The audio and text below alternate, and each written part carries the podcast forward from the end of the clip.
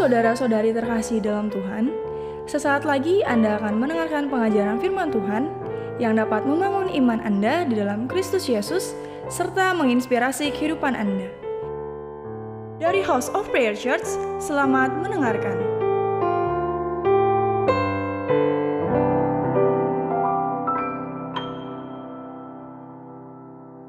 Gembala sidang kita Pak Niko sudah sampaikan bahwa tahun 2020 adalah tahun dimensi yang baru.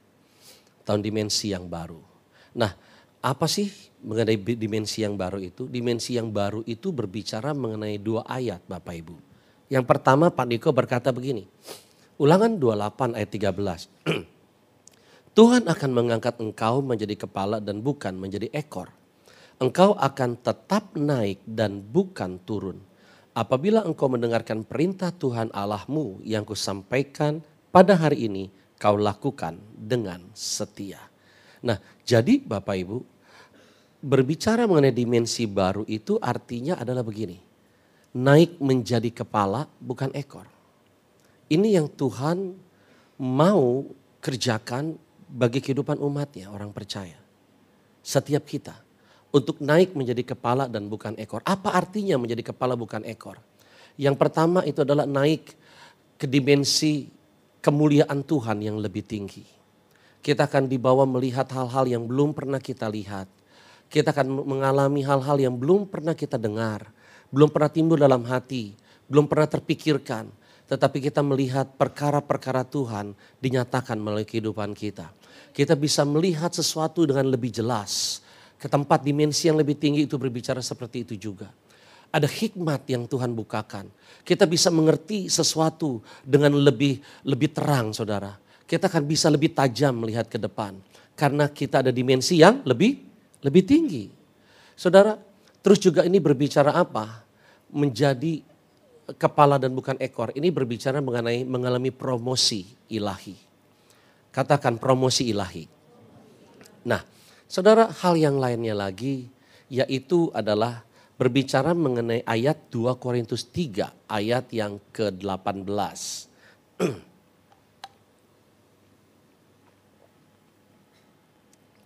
Firman Tuhan berkata begini. 2 Korintus 3 ayat 18. Dan kita semua mencerminkan kemuliaan Tuhan dengan muka yang tidak berselubung. Dan karena kemuliaan itu datangnya dari Tuhan yang adalah roh, maka kita diubah menjadi serupa dengan gambarnya dalam kemuliaan yang semakin besar. Jadi hal yang kedua berbicara mengenai dimensi yang baru. Melalui ayat ini Pak Niko sampaikan sebagai gembala sidang kita bicara mengenai menjadi serupa dengan Kristus. Menjadi serupa dengan Kristus. Nah, Saudara, artinya menjadi serupa dengan Kristus itu adalah kehidupan kita ini menjadi manusia rohani, bukan manusia duniawi. 1 Korintus 3, Paulus sempat bicara bahwa sekalipun di tengah-tengah orang Kristen kepada jemaat di Korintus, Paulus berkata begini, hendaklah kamu menjadi manusia rohani, jangan menjadi manusia duniawi.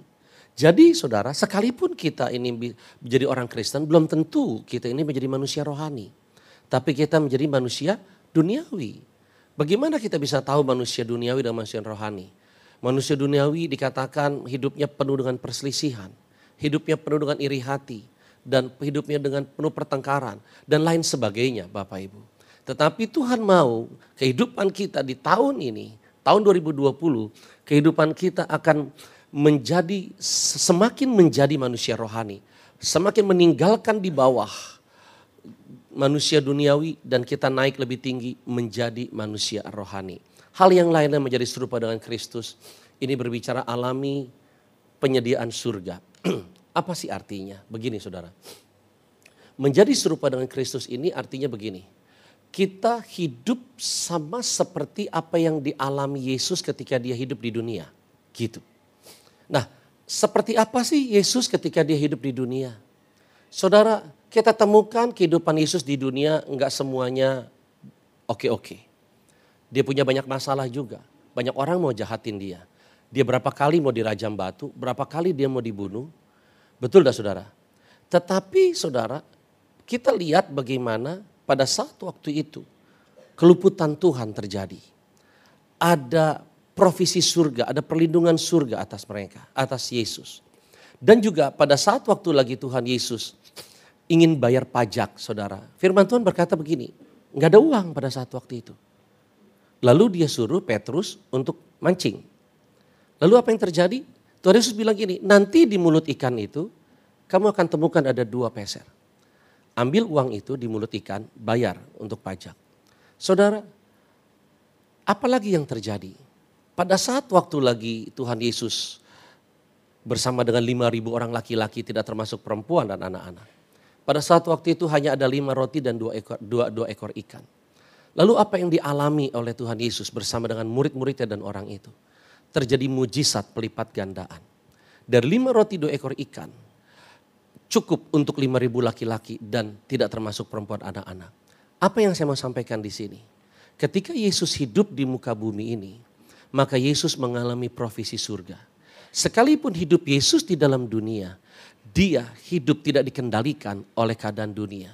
Tetapi dia hidup dalam penyediaannya Tuhan. Sehingga sekalipun Yesus sempat mengalami masa krisis. Tetapi dia tidak pernah menjadi kritis dalam kehidupannya. Yesus sekalipun dia mengalami goncangan. Tetapi kehidupannya tidak tergoncangkan. Saudara, ini yang Tuhan mau untuk kita alami di tahun 2020. Mengalami yang namanya penyediaan surga, provisi surga.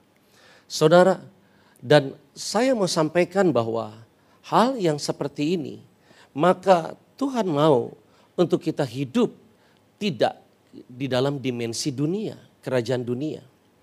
Tuhan mau kalau kita mau mengalami seperti ini, maka kita harus hidup dalam dimensi yang baru. Nggak bisa dimensi yang lama, tapi dimensi yang baru.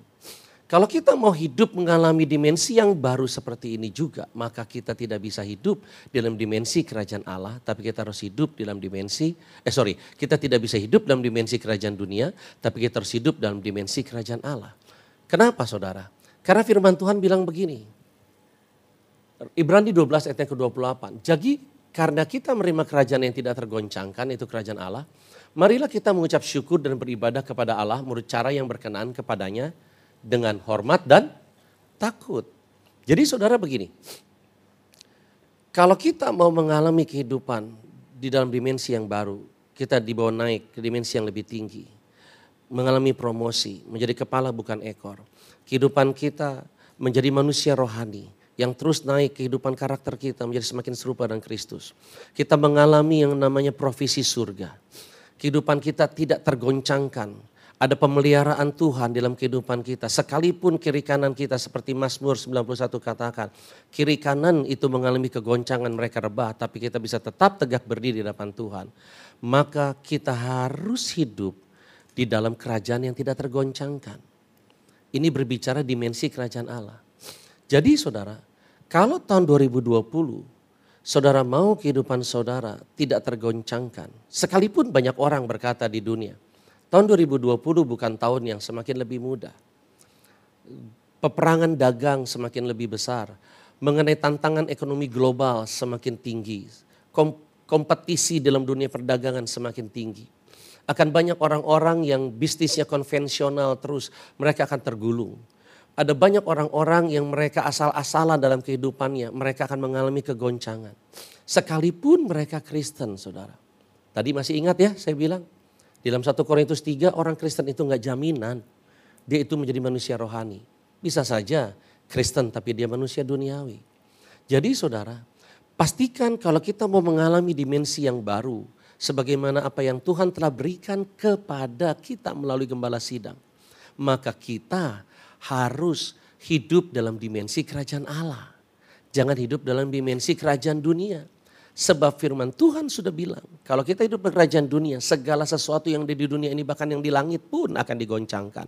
Hanya tinggal tetap yang tidak tergoncangkan, yaitu adalah kerajaan Allah. Yang mau setuju katakan amin. Yang mau hidup dalam dimensi kerajaan Allah katakan amin. Oke, okay. saudara, apa sih artinya hidup dalam dimensi kerajaan Allah?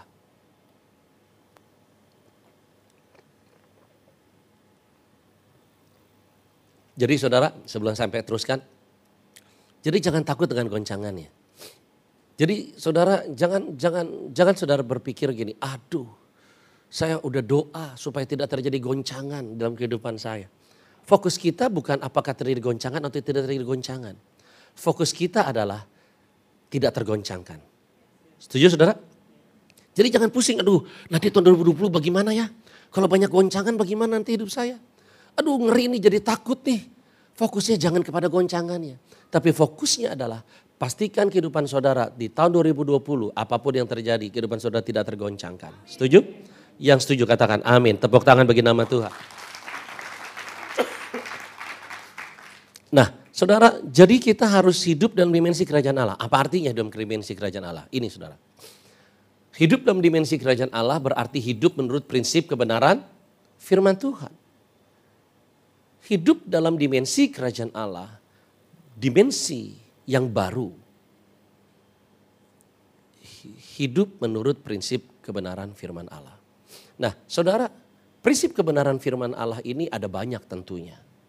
Tetapi pada pagi hari ini saya ingin bagikan hanya dua hal saja. Prinsip kebenaran daripada firman Tuhan. Kalau kita mau mengalami yang namanya new dimension, dimensi baru, naik menjadi lebih tinggi lagi. Saudara, yang pertama adalah prinsip kebersamaan. Prinsip kebersamaan. Teman-teman bisa siap-siap ya yang tadi. Prinsip kebersamaan. Saudara, di dalam firman Tuhan, Pengkhotbah 4 ayat yang ke-9. Pengkhotbah 4 ayat ke-9 berkata begini. Berdua lebih baik daripada seorang diri. Karena mereka menerima upah yang baik dalam jerih payah mereka. Ayatnya ke-12, dan bila mana seorang dapat dialahkan, dua orang akan dapat bertahan. Tali tiga lembar tak mudah diputuskan. Saudara yang dikasih oleh Tuhan Yesus, tentunya ayat firman Tuhan ini berbicara bahwa mengenai kekuatan di dalam kebersamaan. Kalau kita mau naik menjadi lebih tinggi lagi, saudara saya yakin kita akan jauh lebih mudah kita naiknya bersama-sama. Betul saudara ya? Bisa nggak kita naik ke tempat yang lebih tinggi sendirian? Bisa. Bisa saja mungkin. Mungkin ada orang berkata, oh saya mah bisa. Pokoknya saya mah mampu lah saya bisa. It's okay, mungkin bisa. Tapi yang saya yakin adalah gini, pasti lebih gampang kalau kita naiknya ke tempat yang lebih tinggi bersama sama. Karena ketika kita lelah, ada yang bantu kita. Ada yang dorong kita, ada yang angkat kita. Betul gak saudara? Ada yang topang kita dan lain sebagainya. Jadi saudara, saya yakin adalah kalau kita mau mengalami dimensi baru dalam kehidupan kita ini, maka yang harus kita perhatikan prinsip kebersamaan. Kalau kita hidupi prinsip kebersamaan, kita akan mengalami dimensi yang baru. Kita akan naik menjadi kepala bukan ekor. Naik ke dimensi yang lebih tinggi. Kita akan mengalami promosi ketika kita bersedia berjalan bersama-sama. Tetapi saudara prinsip kebersamaan selain akan membuat kita menjadi strong together, menjadi kuat bersama-sama, maka prinsip kebersamaan juga akan membuat kita mengalami dimensi yang baru yaitu adalah mengenai penyediaan ilahi, penyediaan surga, provisi surga. Profesi surga itu apa? Itu bisa berbicara perlindungan, keluputan, bisa berbicara mujizat, kesembuhan, dan lain sebagainya. Saudara, di dalam kitab Markus pasal yang kedua, ayat yang ketiga, diceritakan pada satu itu ketika Tuhan Yesus sedang ada sebuah rumah. Ada banyak orang menutupi rumah itu. Lalu kemudian datanglah seseorang yang dibantu oleh teman-temannya, digotong oleh teman-temannya dengan tandu. Bersama-sama teman-temannya itu membawa si orang lumpuh ini sahabatnya untuk datang kepada Tuhan Yesus. Saudara, pada saat waktu dia dibawa kepada Tuhan Yesus, penuh perjuangan tentunya. Tetapi apa yang terjadi saudara? Ketika pada saat waktu itu si sang lumpuh ini yang dibantu oleh teman-temannya dibawa ke Tuhan Yesus, di hadapan Tuhan Yesus, maka yang lumpuh itu disembuhkan oleh Tuhan. Dia bangkit dari kelumpuhan dan dia berjalan saudara. Dia mengalami mujizat, mengalami dimensi yang baru. Wah, puji Tuhan, saudara. Oleh tetap di sini, tetap di sini, tetap di sini. Saudara, puji Tuhan. Dimensi yang baru kita bisa alami ketika kita mau berjalan bersama-sama. Sendirian kita nggak bisa, saudara. Coba, saudara, apakah si sang lumpuh ini bisa datang kepada Tuhan Yesus sendirian tanpa dibantu oleh teman-temannya? Tidak bisa. Dan untuk gotong tandu pun tidak bisa hanya satu orang gotong tandu. Tidak bisa saudara. Jadi dibutuhkan yang namanya kebersamaan. Saudara, hari ini jangan hindari yang namanya komunitas. Jangan hindari yang namanya live. Kalau saudara berkata, aduh risih ya, repot ya, nggak enak ya, sungkan ya dan sebagainya. Saudara, saudara harus mengerti prinsip kebersamaan. Jangan menjadi orang yang individualistis. Mungkin kita berkata, ah mendingan hidup sendirian. Kalau hidup sama orang nanti direpotin. Nanti hidup sama orang nanti rese. Nanti banyak yang luka. Gesekan-gesekan, ah udahlah daripada ntar saya luka lebih baik saya datang ke gereja aja lah datang hari Minggu, lalu setelah itu pulanglah. Seperti kayak ke restoran datang makan tinggal pulang. Udah, nggak usah pusing dengan sebagainya. Saudara, kalau kita hidup masih seperti itu, kita sedang mengabaikan kekuatan di dalam kebersamaan. Hari ini saudara saya mau dorong. Jangan hindari komunitas, jangan hindari yang namanya live. Justru Tuhan sediakan live untuk kita bisa hidup dalam prinsip kebersamaan agar saudara dan saya kita bersama-sama bukan hanya akan menjadi semakin kuat, strong together, tetapi kita juga akan mengalami dimensi yang baru. Kita akan mengalami mujizat, kita mengalami perlindungan, pertolongan, penyediaan Allah yang supranatural. Tepuk tangan bagi nama Tuhan dan terima kasih buat mereka semuanya. Bisa tolong dibantu turunin dulu.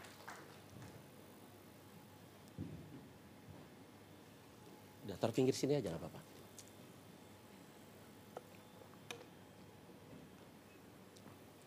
Oke. Saudara, hal yang lainnya yaitu adalah di dalam prinsip kebersamaan ini, saudara. Ada hal yang penting yang harus kita jaga. Ada hal yang penting harus kita bangun, yaitu adalah keunitian. Tanpa keunitian, tanpa kesatuan hati, kebersamaan tidak akan bisa menjadi efektif kebersamaan tidak akan pernah bisa berjalan dengan baik. Kalau tadi dua orang yang tadi yang ngegotong, kalau nggak unity, kalau nggak sepakat. Yang satu bilang gini, saya mau lewat sini. Yang satu bilang, saya mau lewat situ aja. Yang si lumpuh bilang, enggak, saya mau lewat ujung. Kira-kira bisa sampai nggak ke depan? Nggak bisa sampai. Jadi butuh yang namanya keunity ya. Kesatuan hati. Kalau di Alkitab dikatakan adalah mengenai kerukunan. Mazmur 133. Nah, saudara kesatuan hati terkadang di dalam dunia ini sesuatu yang langka. Kerukunan sesuatu yang langka. Yang banyak terjadi adalah orang-orang saling melukai, saling menjatuhkan, saling berbuat jahat satu dan yang lain, dan sebagainya saudara. Tetapi hari ini saya mau ajak kita sama-sama. Kalau saya, kalau saudara merasa di dalam keluarga saudara ada kesatuan hati. Kalau saudara merasa di komunitas saudara, di live saudara, ada kesatuan hati. Jaga baik-baik. Itu barang yang langka. Jangan dirusak. Amin saudara. Jangan dirusak. Saudara itu bukan barang murah. Itu bukan barang murahan bahkan. Itu kesatuan hati itu barang yang bukan hanya langka tetapi barang yang sangat spesial. Sebab kenapa? Ketika di dalam keluarga, ketika di dalam life, ketika di dalam gereja ada kesatuan hati. Firman Tuhan berkata Mazmur 133, maka berkat Tuhan, pengurapan Tuhan, bahkan kehidupan surgawi, bahkan karunia-karunia roh itu akan dicurahkan di dalam sebuah keluarga, di dalam sebuah komunitas, di dalam sebuah kehidupan gereja. Dan saudara, hal yang indahnya begini, berkat dan kehidupan itu itu adalah berkat yang berkesinambungan, terus turun saudara, terus turun. Karena ilustrasi dari kepala ke janggut dan ke jubah.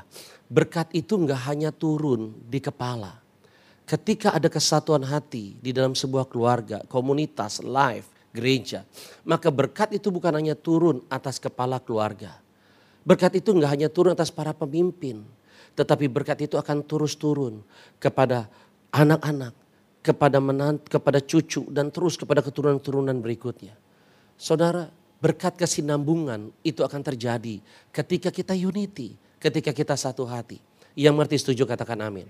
Jadi pesan saya dalam tahun 2020, jaga baik-baik kesatuan hati. Pesan Tuhan bukan pesan saya. Pesan Tuhan dalam tahun 2020 adalah jaga kesatuan hati baik-baik saudara. Jangan jangan anggap remeh. Iblis akan hancurkan itu. Sebab ketika kesatuan hati tidak ada, prinsip kebersamaan tidak akan terjadi tidak akan bisa berjalan. Ketika kita tidak hidup dalam prinsip kebersamaan, maka kita tidak akan bisa mengalami new dimension di tahun 2020 ini. Yang setuju mengerti katakan amin. Oke, saudara hal yang lain yaitu adalah mengenai prinsip tabur tuai. Galatia pasal 6 ayat yang ke-7. Firman Tuhan berkata begini. Kita baca sama-sama, satu, dua, tiga. Eh kok suaranya kecil amat? Baca sama-sama satu dua tiga.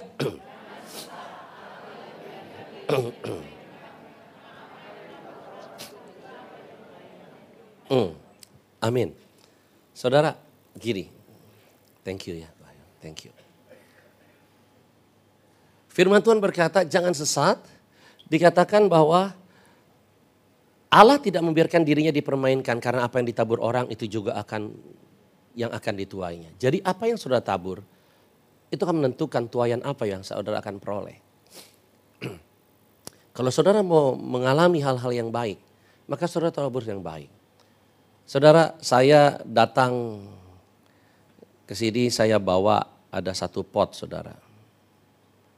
Sebetulnya ada empat pot karena tadi robos banjir nggak bisa bawa banyak-banyak potnya. Ini ada pot isinya tanah. Saudara, lalu saya punya benih tomat.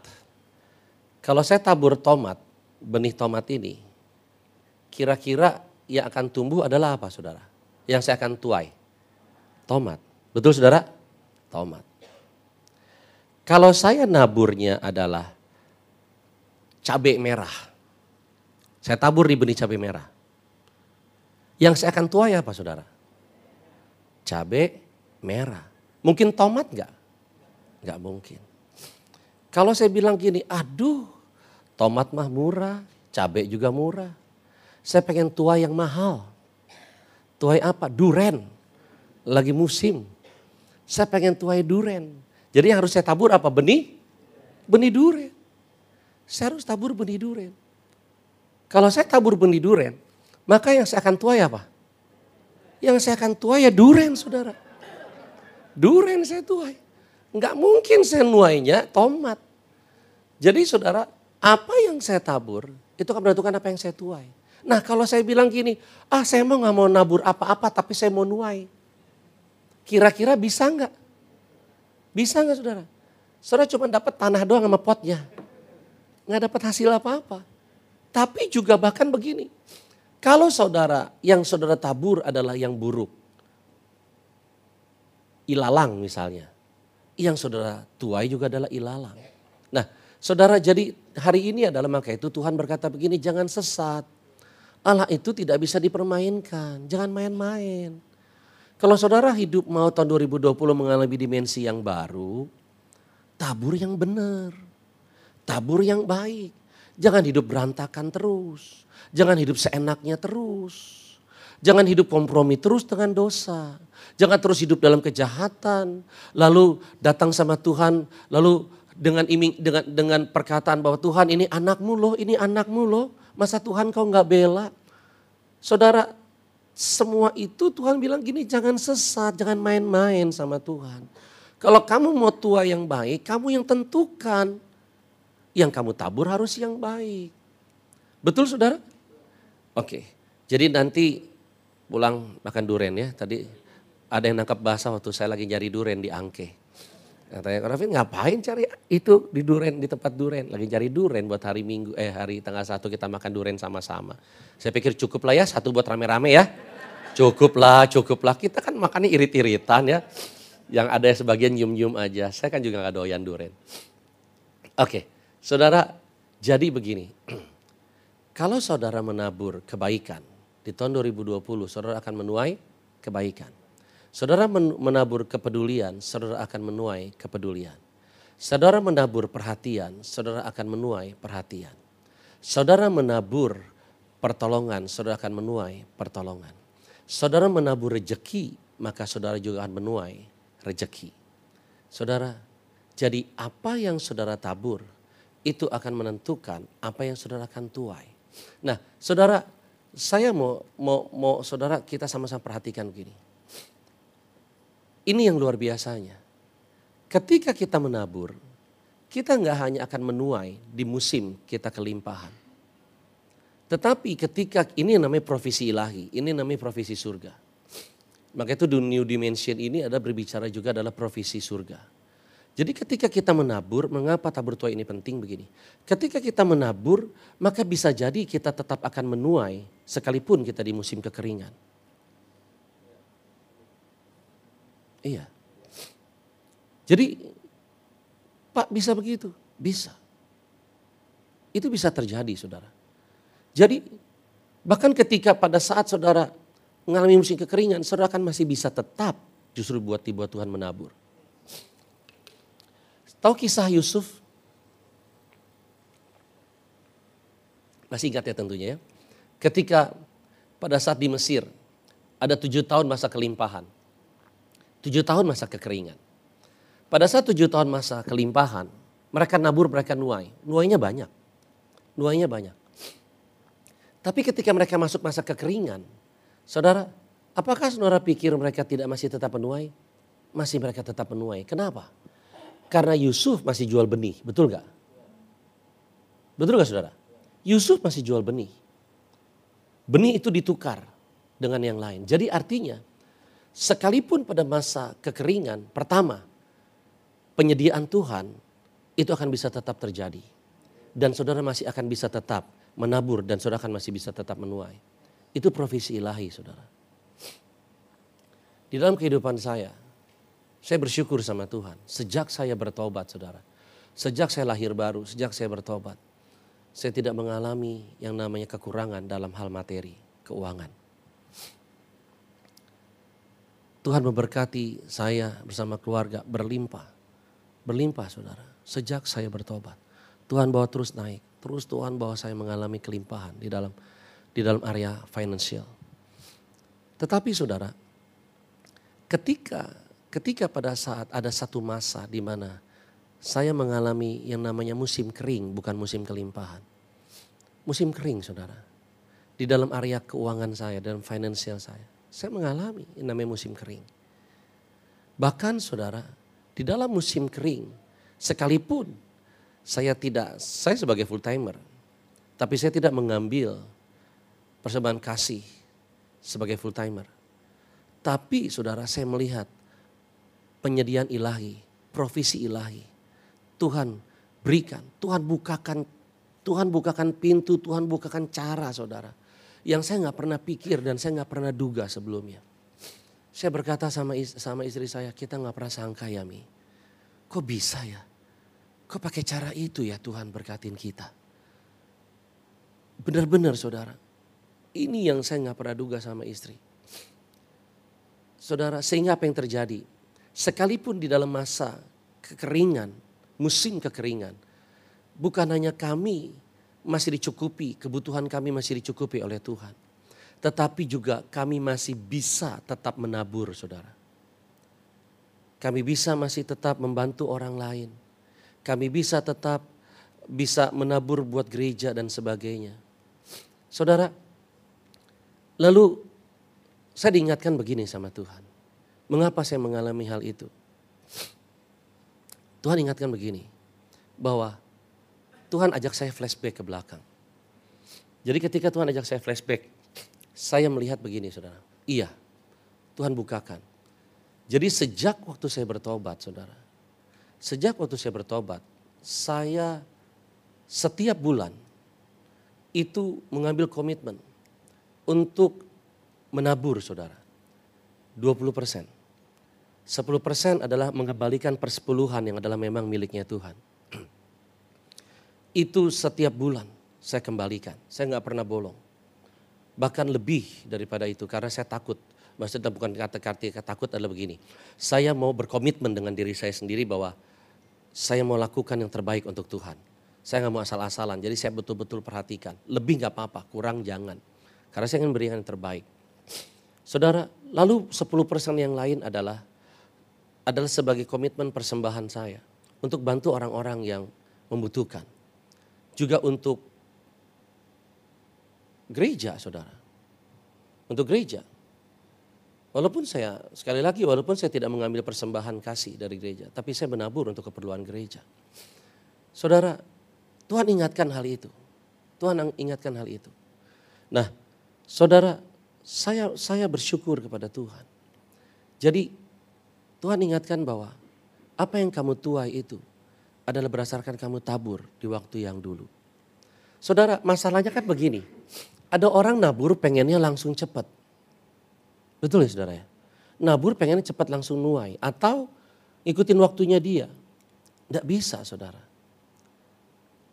Semua itu ditentukan kalau kalau tanaman aja ditentukan oleh ada ada waktu proses alam. Nanam cabai sama nanam tomat waktunya sama nanam duren itu beda kan betul gak saudara? Kalau saudara mau nanam duren, mau nuai duren, nanam duren, itu numbuhnya berapa tahun ya? Berapa? Ada yang bilang 5 tahun, 15 tahun, 10 tahun, saya nggak tahu berapa tahun. Lama banget saudara. Tapi kalau nanamnya toge, saudara atau toge? Saudara taruh toge, saudara tabur. Besok pagi udah numbuh itu toge. Cepet. Saudara artinya begini saudara. Tuhan mau ketika kita mengerti untuk kita menabur. Kita harus menabur dengan kerelaan. Kita harus menabur itu dengan kerelaan. Kita jangan hitung-hitungan ketika kita nabur. Ah, kalau saya nabur saya dapat berapa nih? Kalau saya nabur saya kapan dapatnya? Nuainya kapan saudara? Ah, nanti rugi enggak ya? Atau dengan terpaksa? Atau dengan sedih hati? Jangan saudara. Tuhan mau ingatkan kita untuk kita menabur. Kita menabur dengan penuh sukacita dan penuh kerelaan hati. 2 Korintus 9 ayat 6 sampai yang ke-7. Firman Tuhan berkata begini, Camkanlah ini, orang yang menabur sedikit akan menuai sedikit juga. Dan orang yang menabur banyak akan menuai banyak juga. Hendaklah masing-masing memberikan menurut kerelaan hatinya. Jangan dengan sedih hati atau karena paksaan. Sebab Allah mengasihi orang yang memberi dengan sukacita.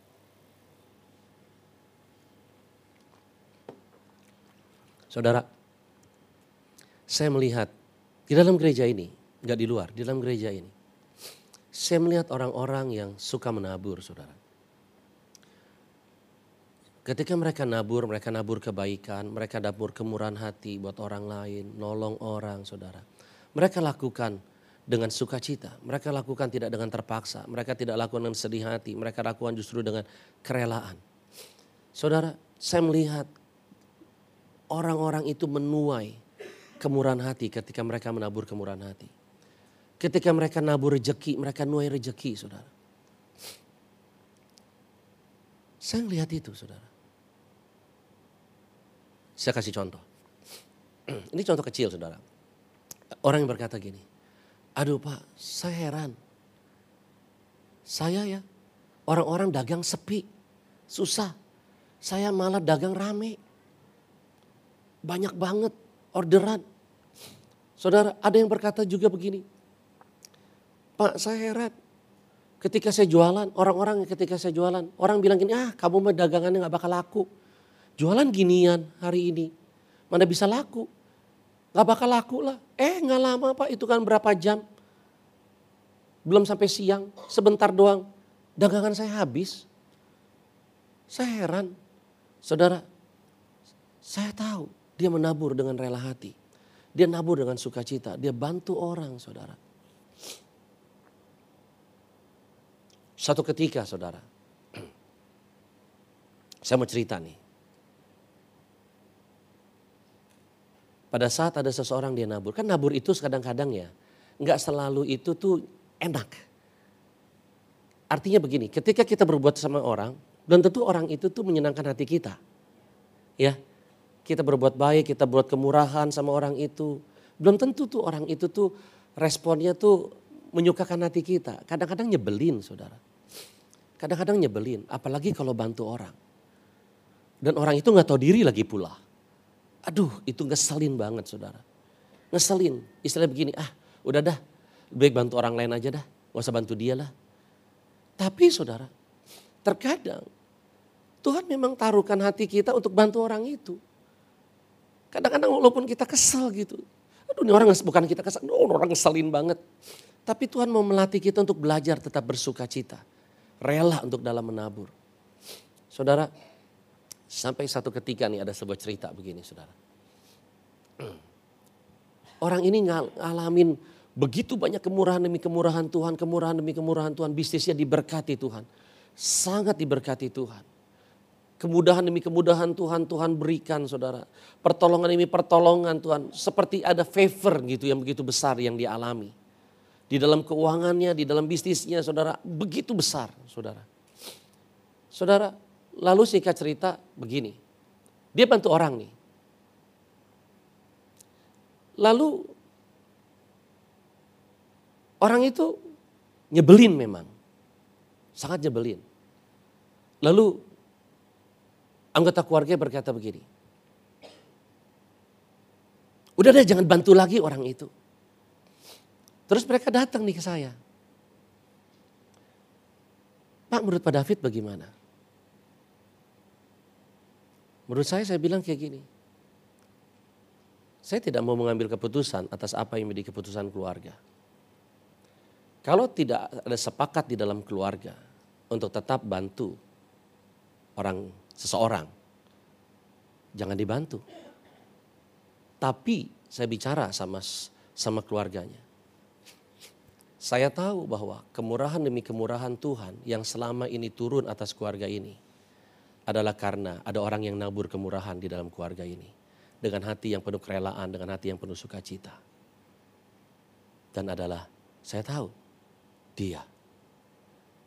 Putuskan sendiri apa yang terbaik buat keluarga ini.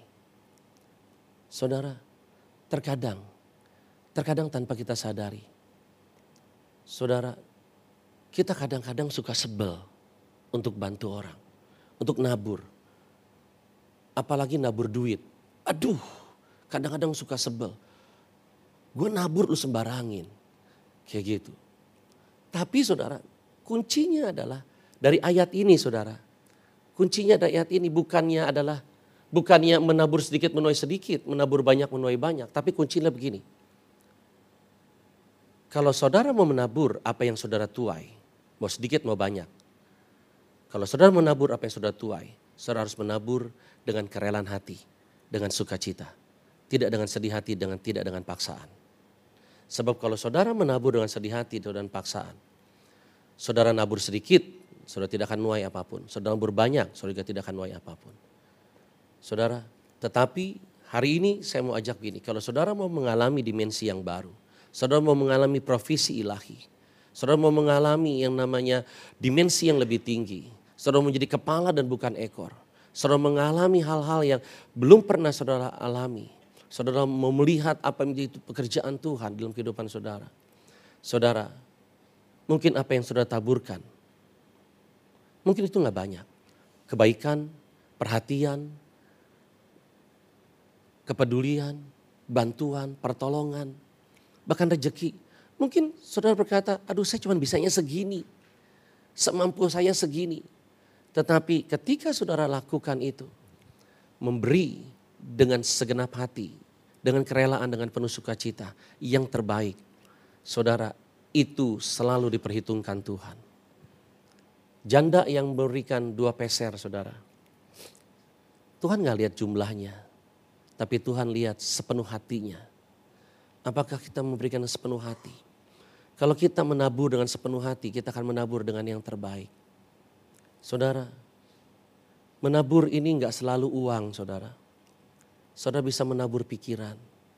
Saudara bisa memberikan, menabur di dalam di dalam kebijaksanaan buat orang lain.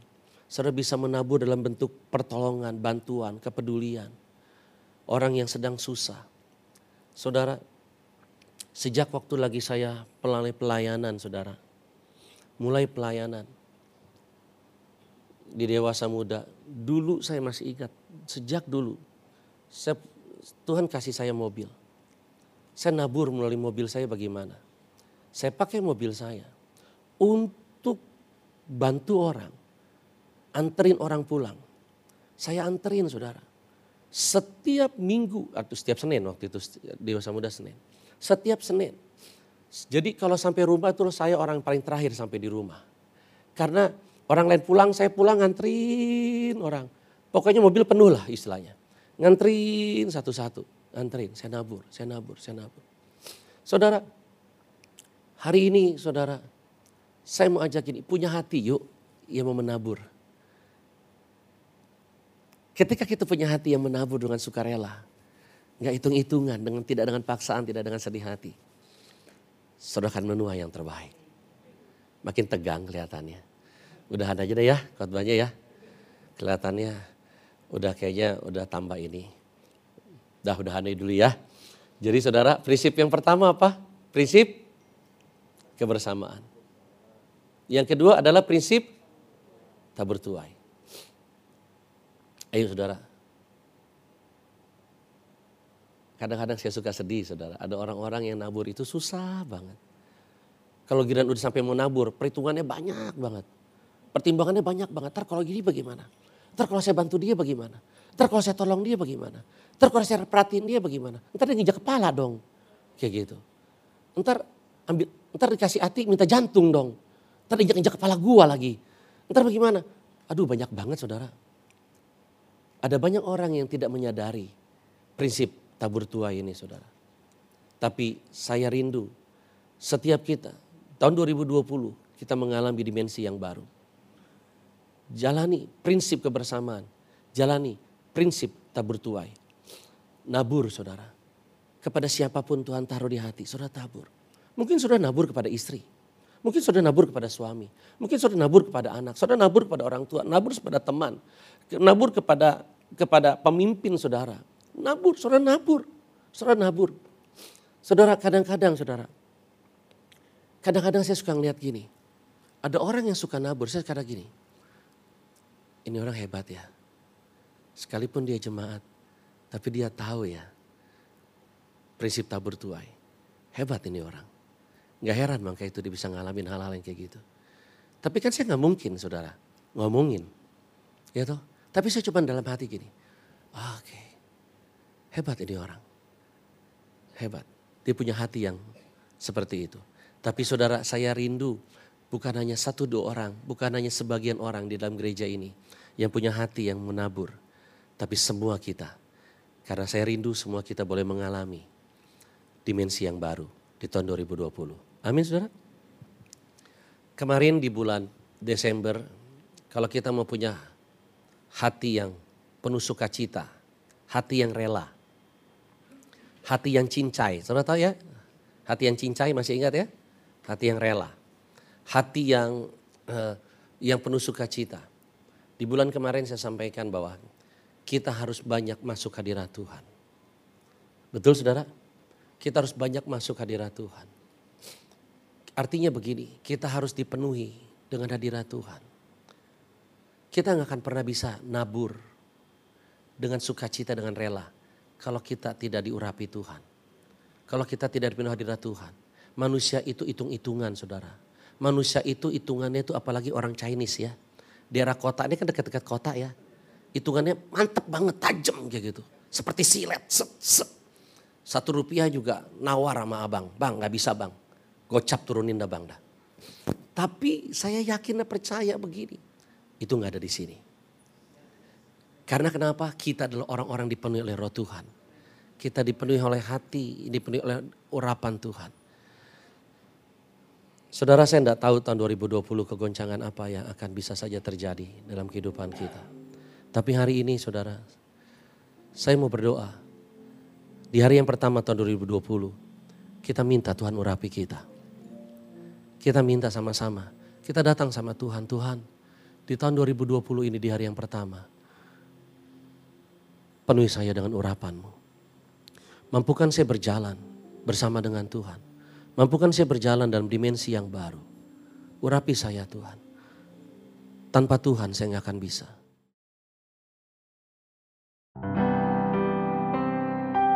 Anda telah mendengarkan sharing firman Tuhan yang disampaikan oleh hambanya. Untuk mendengarkan rekaman khotbah lainnya, anda dapat mengunjungi website hope.church/sermon. atau streaming melalui handphone Anda, Hope Church Podcast di Spotify dan Apple Podcast. Tuhan Yesus memberkati. Strong families, strong generation.